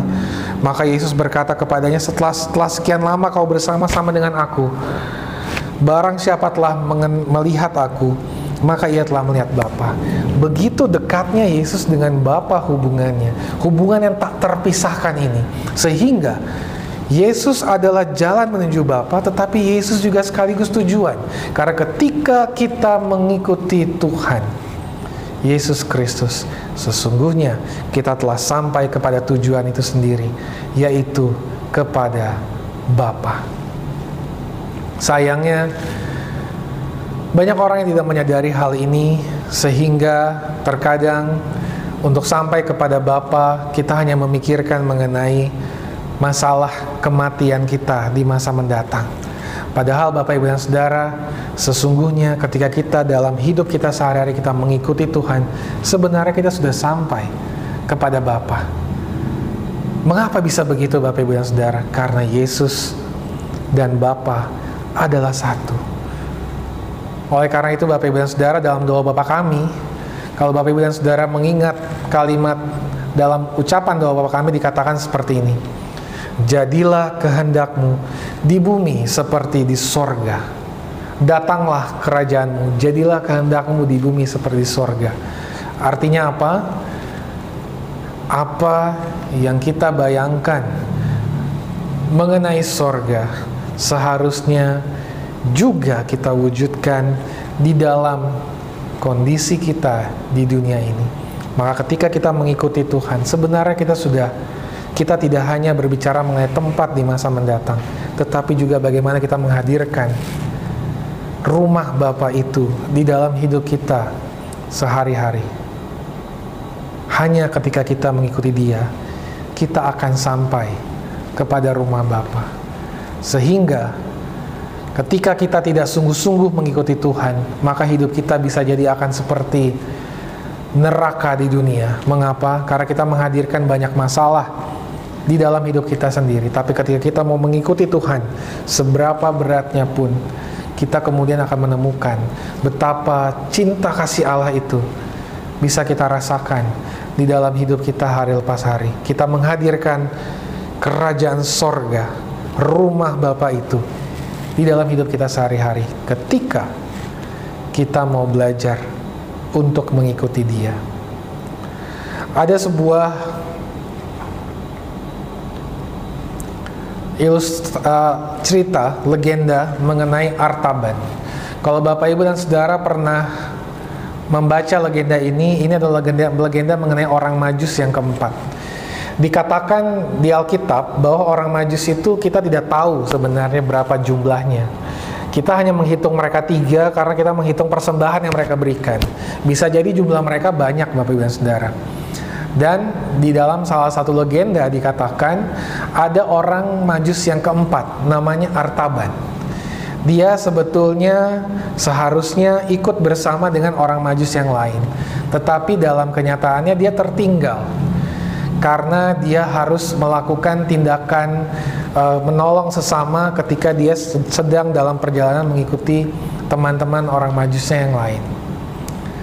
Yang menarik adalah Bapak Ibu dan Saudara, Artaban itu selalu terhalang untuk bisa menemui Yesus yang baru lahir karena ia harus menolong orang-orang yang sedang kesusahan di sekitarnya. Dia banyak bawa banyak sekali harta, benda untuk Yesus. Tetapi ketika dia dalam perjalanan menuju ke Bethlehem untuk menemui Yesus, dia terhalang perjalanannya karena dia harus menolong orang yang sedang uh, susah di dalam perjalanan itu. Kemudian ia pun memberikan harta benda itu. Ketika ia sampai di Bethlehem, ternyata Yesus dan Maria dan Yesus sudah mengungsi ke Mesir. Akhirnya ia pun mencoba untuk mengejar ke Mesir, tetapi kemudian ia menemui kembali orang yang kesusahan, sehingga ia tidak bisa mengikuti Yesus sampai ke Mesir. Singkat cerita adalah sampai akhirnya Yesus dewasa dan sampai masa penyaliban Yesus, Artaban tidak sempat menemui Yesus. Mengapa tidak sempat? Karena terus-menerus ia temukan orang-orang yang susah. Bahkan ketika ia hendak menemui Yesus yang sedang tersalib itu, hanya tinggal satu harta yang ia bawa. Ia pun harus berikan untuk menolong sesamanya. Sampai akhirnya Yesus pun mati. Ia tidak sempat bertemu dengan Yesus. Ia kemudian sudah di penghujung hidupnya dan kemudian Yesus menghampiri dia dan mengatakan kepadanya bahwa sesungguhnya ia sudah bertemu dengan Yesus melalui sesamanya.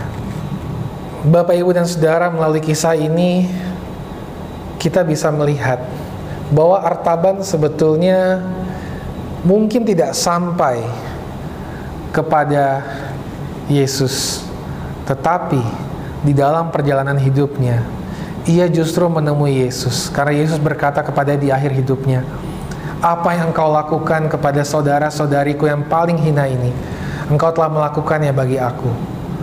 Sesungguhnya ia telah bertemu Yesus ketika ia menolong orang-orang yang ia temui dalam perjalanannya kepada Yesus.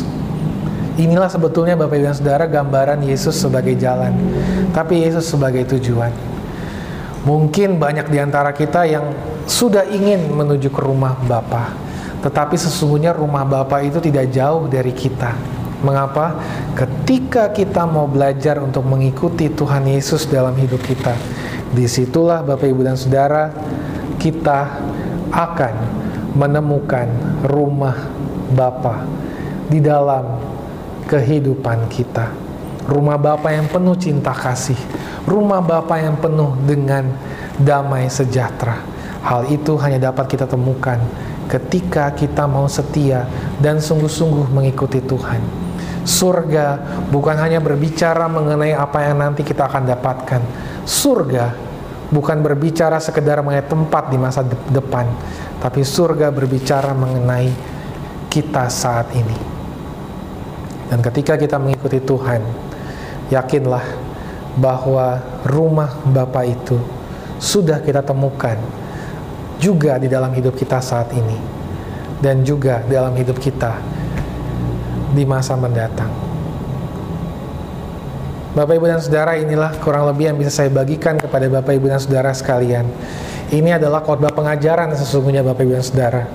Kalau Bapak Ibu dan Saudara ada pertanyaan, ada tanggapan mengenai khotbah saya, Bapak Ibu dan Saudara boleh tuliskan di kolom komentar di YouTube atau bisa WhatsApp saya secara pribadi agar kita bisa membahasnya uh, dengan lebih baik lagi. Semoga khotbah pengajaran ini membuat kita semakin memikirkan mengenai rumah Bapa. Rumah Bapa dapat kita temukan ketika kita setia mengikuti Tuhan Yesus Kristus. Ada banyak tantangan tentunya. Tetapi ketika kita mau sungguh-sungguh mengikuti Dia, yakinlah rumah Bapa itu akan kita temukan bukan hanya nanti di masa depan, tetapi juga saat ini di dalam hidup kita sehari-hari. Juga dalam kondisi pergumulan saat ini yang mungkin tidak mudah bagi kita. Ketika kita mau belajar untuk mengikuti kehendak Allah yang penuh dengan cinta kasih itu dalam hidup kita secara pribadi, hidup keluarga kita, hidup komunitas kita, bahkan hidup dengan masyarakat di sekitar. Yakinlah di situ pun rumah Bapa juga hadir di dalam kehidupan kita. Maka selamat menghayatinya. Mari kita berdiskusi juga di kolom komentar YouTube atau dalam WhatsApp-WhatsApp pribadi kepada saya maupun WhatsApp grup di keluarga Cira atau dalam berbagai hal lainnya sehingga kita dapat memperkaya pemahaman kita mengenai rumah Bapa. Tuhan memberkati kita semua. Amin.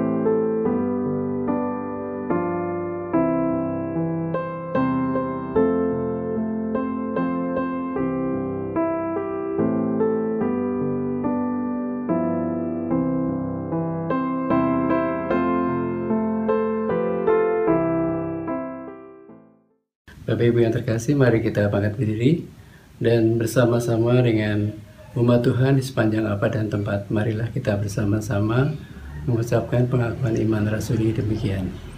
Aku percaya kepada Allah, Bapa yang Maha Kuasa, Khalik langit dan bumi, dan kepada Yesus Kristus, anaknya yang tunggal Tuhan kita, yang dikandung daripada roh kudus, lahir dari anak darah Maria, yang berita sengsara di bawah pemerintahan Pontius Pilatus, disalibkan, mati dan dikuburkan, turun ke dalam kerajaan maut. Pada hari yang ketiga, bangkit pula dari antara orang mati, naik ke surga, duduk di sebelah kanan Allah, Bapa yang Maha Kuasa, dan dari sana ia akan datang untuk menghakimi manusia, orang hidup dan yang mati. Aku percaya kepada Roh Kudus, gereja yang kudus dan am, persekutuan orang kudus, pengampunan dosa, kebangkitan orang mati, dan hidup yang kekal. Amin. Yang terkasih, mari kita masuki doa syafaat yang akan diawali oleh doa syukur rumah ibadah, kemudian dilanjutkan oleh pengkhotbah dan ditutup dengan menyanyikan doa Bapa kami. Mari kita berdoa. Bapa yang Maha Kasih, kami bersyukur kepadamu ya Tuhan atas segala anugerah dan pemeliharaan Tuhan di dalam kehidupan kami hari lepas hari. Dan saat ini ya Tuhan kami berdoa untuk perizinan rumah ibadah. Biarlah Kau sendiri akan menolong dan menyempurnakan segala usaha yang telah dan akan dilakukan baik oleh Majelis Jemaat maupun oleh PPRI.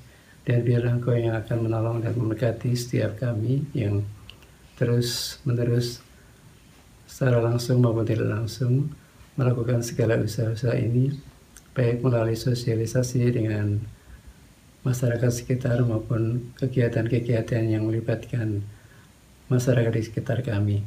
Ya Tuhan, kami menyerahkan setiap usaha ini ke dalam tangan Engkau sendiri dan biarlah Engkau yang yang menolong kami dan menyempurnakan segala usaha ini. Terima kasih ya Tuhan, kami menyerahkan semua doa permohonan kami hanya di dalam nama Tuhan kami Yesus Kristus.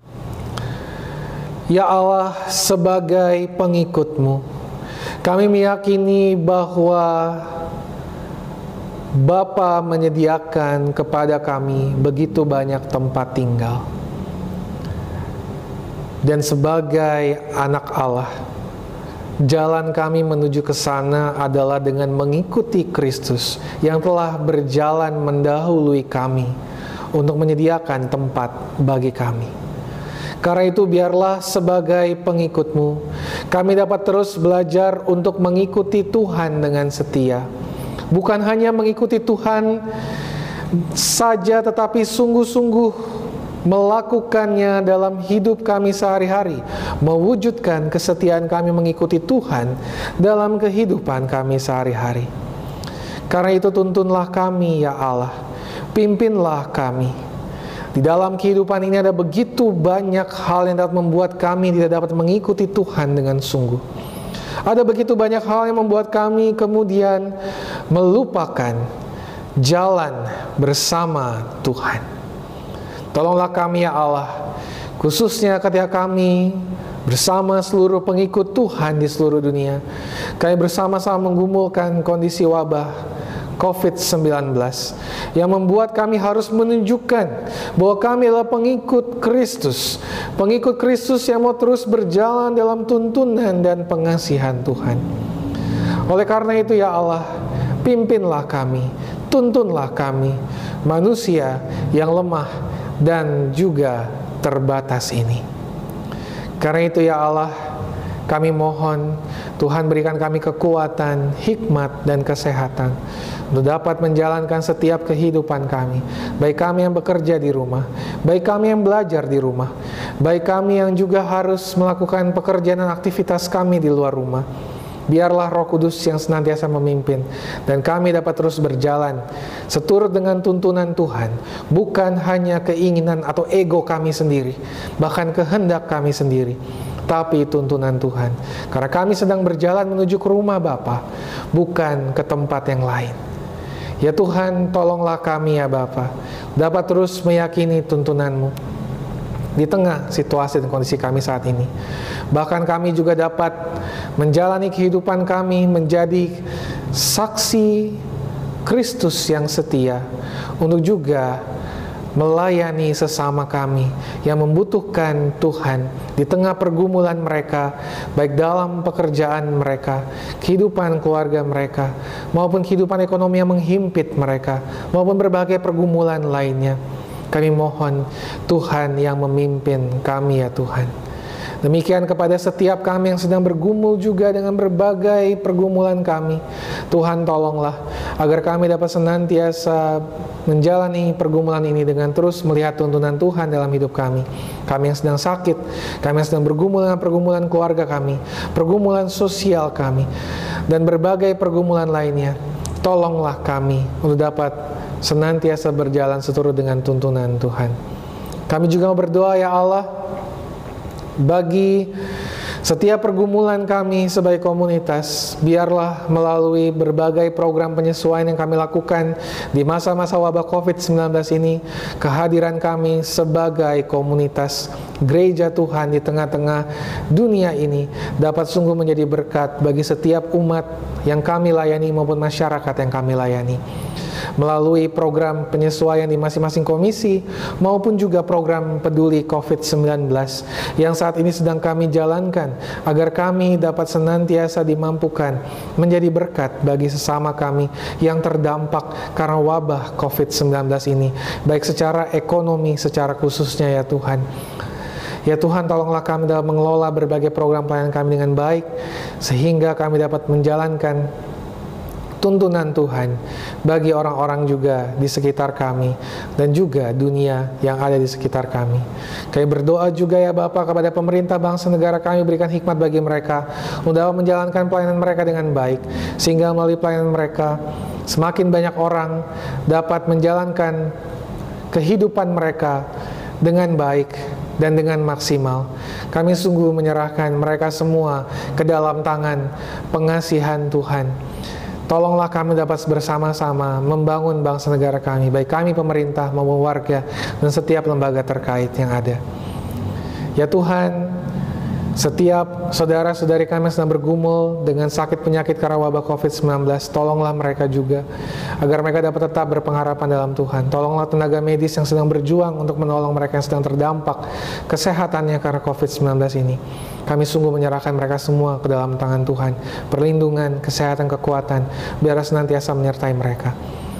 Ya Bapak masih banyak hal yang kami mohonkan daripada Tuhan, tapi kami percaya bahwa Tuhan mendengar seluruh doa kami.